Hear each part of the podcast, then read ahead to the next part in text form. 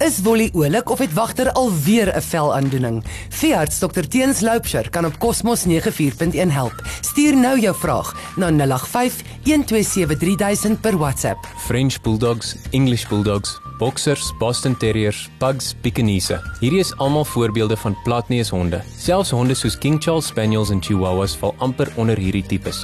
Hoekom lig ek hierdie rasse uit? Ons is so lief vir hulle. Elke een van hierdie rasse is so liefdevol en kruip so in ons harte in. Dis asof hulle geteel is om ons lief te hê en om liefgehê te voel deur hulle. Die liefde is wat hierdie volgende gesprek baie moeilik maak. As ons dink aan mense en ons dink aan mense wat nie lyk soos die normale mens nie, mense wie se liggame nie gevorm is soos die algemene mens nie en mense wie se beweging nie soos normale mense is nie, kan mens die woord gebreklik gebruik. Ek trek hierdie lyn want hierdie hondjies en die platneuskatrasse kan eintlik as gebreklik beskryf word. So liefdevol soos hulle is, is hulle nie normaal nie. Van hulle word gebore sonder rugwervels, sonder sterte en dis nie normaal vir 'n dier soos 'n hond wat gewoonlik 'n stert het om sonder 'n stert gebore te word nie. Ons aanvaar dit as normaal vir 'n pug om nie te kan asemhaal nie of 'n Pekingese wat sy neusvelle, sy hare, sy oostuk in krap. Dit is nie normaal nie. Dit is nie reg nie, maar as gevolg van inteling kry ons hierdie probleme. Voor ek nou moeilikheid kry en mense vir my kwaad word, kom ek trek hierdie gelyktrekking.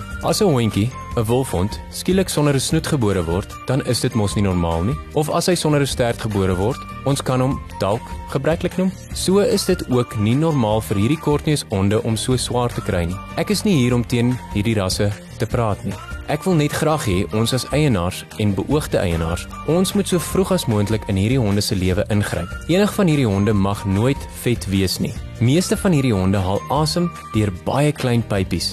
Die lugweë in hulle neuse is baie klein, selfs in hulle monde en kele. Elke dag van hulle lewens is asof hulle 'n maraton hardloop deur net deur 'n strootjie asem te haal.